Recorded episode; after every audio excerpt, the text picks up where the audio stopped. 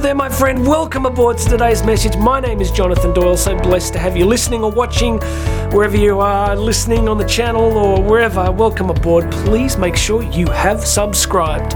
It makes everybody happy. It makes YouTube happy. It makes the podcast people happy. It makes my mother happy. Um, we got we own a cavoodle, beautiful little dog. I reckon I, I haven't done an experiment but I reckon he's happier when people subscribe. I don't know how I can prove it, but he just seems, when there's more subscriptions on a given day, he just seems happier. Even the goldfish in our house swim faster, you know, when, when people subscribe. All right, that's not very scientific, but please do it and grab yourself a copy of my book, Bridging the Gap. There's a link here. Go click it and grab yourself a completely free copy of my book.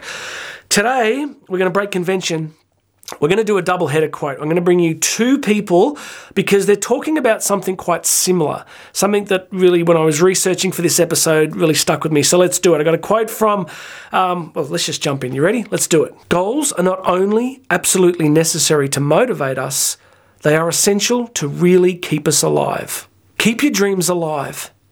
Understand to achieve anything requires faith and belief in yourself, vision, hard work, determination, and dedication. Remember, all things are possible for those who believe. You know what I liked about this? Was the reminder that the absence of goals and dreams in our lives can be really problematic. I can say in my own life, there's been seasons where I'm like one of those ghost ships that's just drifting in the ocean. And after X amount of time, I'm like, what am I doing? How did I get here? What have I lost track of?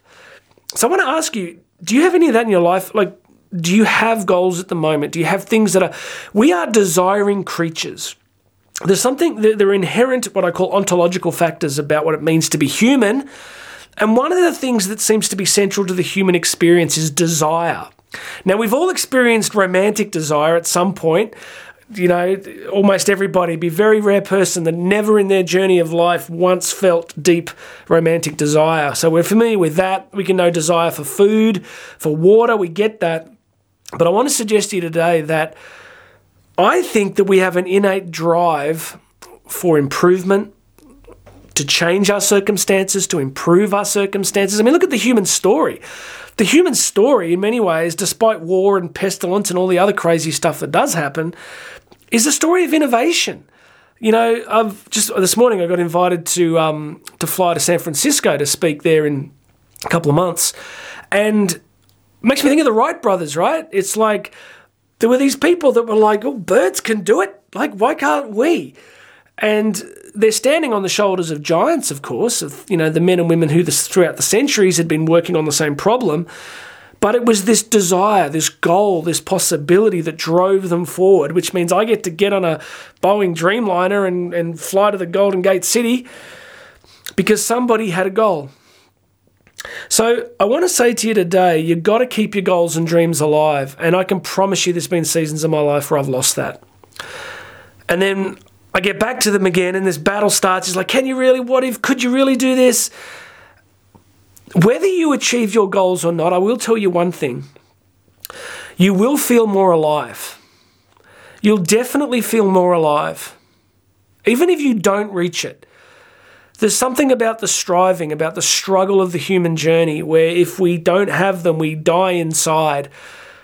Depression, despondency, despair, that everything's going to be the same forever. You know, it's one of the crucial things about depression, right? Attributional style.